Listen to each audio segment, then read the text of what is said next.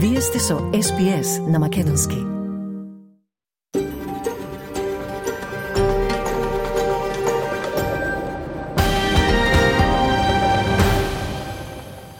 Министерот за правда Кренар Лога не демантира дека ако биде изгласан законот за амнестија, на слобода ќе се најдат осудените за помагање на петкратното убиство кај Смилковското езеро Хаки и Фейзија Зири.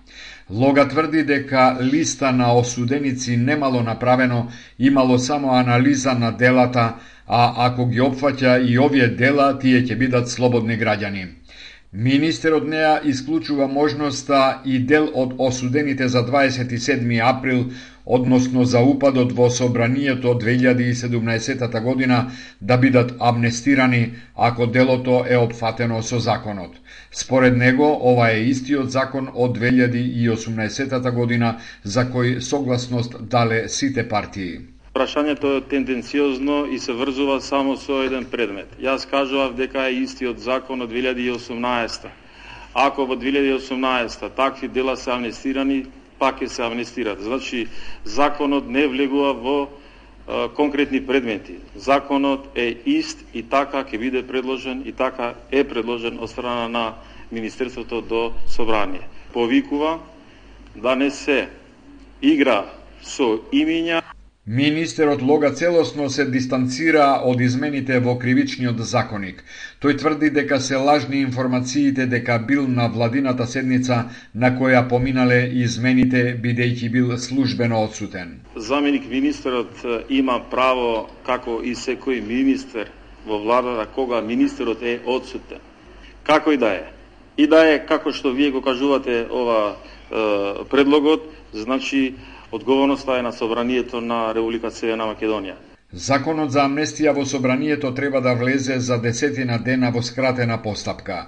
Лога очекува поддршка од сите партии, иако опозицијата најави дека ќе го блокира законот со бројни амандмани. На вчерашната редовна собраниска седница за пратенички прашања, најзастапена тема беше наводната злоупотреба на службената положба во клиниката за онкологија. Опозицијата обвинуваше, власта пак апелираше да не се злоупотребува овој случај за партиски поени, а сторителите да бидат изведени пред правдата. Атмосферата стана уште понапната кога почнаа прашањата за пензионерите и за нивните барања за повисоки пензии. Министерката за социјална политика Јованка Тренчовска рече дека протестите се организирани од страна на ВМРО ДПМНЕ. Она што го велите нема политика во протестите. Да, нема политика во, кај дел од пензионерите. Меѓутоа во иницијативниот одбор има политика, името е ВМРО ДПМН. Сите членови на иницијативниот одбор се токму од вашите органи на партијата, дали од извршниот одбор, дали од Унијата на жени, представници на вашата политичка партија. На ова жестоко реагираше пратеничката на ВМРО ДПМН Едафина Стојановска, која вербално го нападна и вице-премиерот за европски прашања Бојан Маричиќ. Евро вице-премиер за европски прашања молчите затоа што сте најак од себиште на микрофон да излезете и да го зборувате тоа што го зборувате позади микрофон. Како не ви е срам, нека ве снимат камери, вице-премиер за европски прашања. Ужас, ужас сте. Затоа, Господ, нека ве сликаат како праќате бакнежи. Лига Феден, како не ви е... Дафина, држи се, Дафина.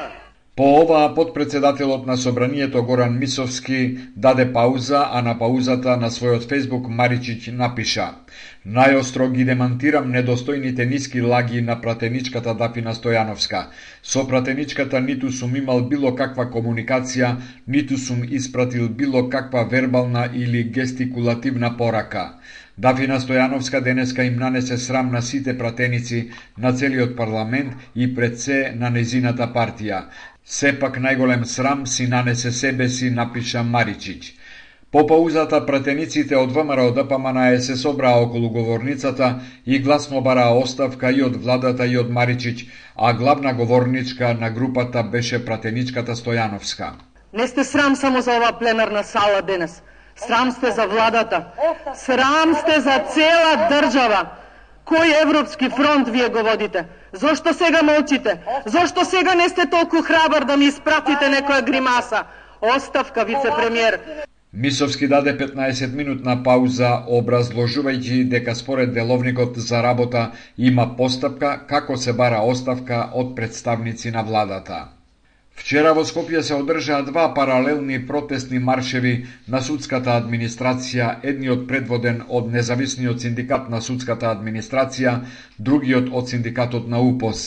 Барањата на двата синдиката се исти, а тоа е 35 насто додаток на платата и повисоки плати за 78 насто, колку што изнесува неодамнешното зголемување на платите на државните функционери. Синдикалците пред новинарите ги дадоа следниве изјави. Овие 6 месеци протестираме, воопшто не најдовме слух од министерот за финанси, министерот за правда и нашето ресорно министерство и повторно ќе ги повторам нашите барања. Бараме 70 78% покачување на платата на судската служба и додатоците да ни се вратат, додатоците се до 35%. Ги повикувам судиите, Друженијето на судии и Судскиот совет да го кренат својот глас и освен вербалната подршка што ни ја дават, да земат активно учество за исполнување на нашите барања, односно да ни ги вратат нашите пари на судската власт и тоа да го искажат со неработење на судовите. Судската администрација предводена од УПОС побара враќање на додатоците и повисоки плати. Трпе Дејановски, председател на УПОС, пред новинарите изјави. Ако колегите од судовите, луѓето што се тука, и они започне штрајк, ќе се парализира целото правосудство.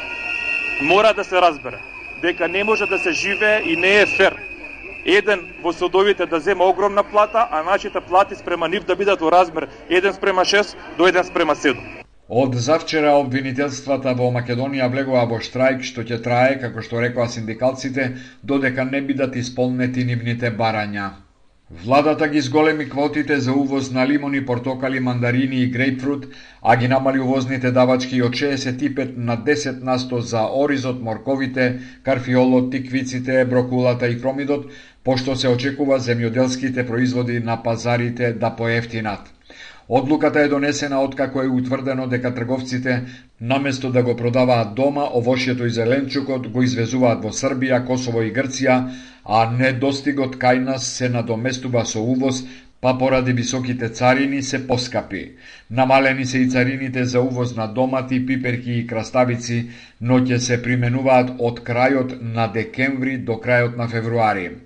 Според министерот Бектеши, со ова им се дава простор на домашните трговци да се вразумат затоа што државата губи пари, а граѓаните трпат. Бектеши во емисија за ТВ24 изјави. Зголемениот извоз не е само заради зголеменото производство, туку зголемениот извоз е заради тоа што тоа што е наменето за нашиот пазар се продава надвор од државата. И тука ние, значи, два пати губиме како држава, Во исто време владата ги изголеми акцизите на луксузните артикли, па така поскапуваат папајата, авокадото, мангото, месото од ирваси, лососот, школките, кавијарот, тофи сирењето со сина мувла, маслото од палма и кокосовиот орев. ДДВ-то на овие производи се зголемува од 5 на 10%. Некои земјоделци стравуваат дека зголемениот и ефтин увоз ќе го уништи домашното производство. Од анкетата на ТВ24 издвојуваме дел. Не дај Боже да се случи да продолжи така, значи уште полош ќе биде следната година. Значи това производство што го има ќе го изгубиме и него. Сите одлуки стапуваат на сила веднаш, освен кај доматите, пиперките и краставиците, чии царини ќе паднат по нова година.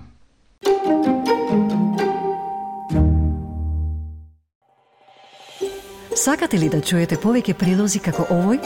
Слушате подкаст преку Apple Podcasts, Google Podcasts, Spotify или од каде и да ги добивате вашите подкасти.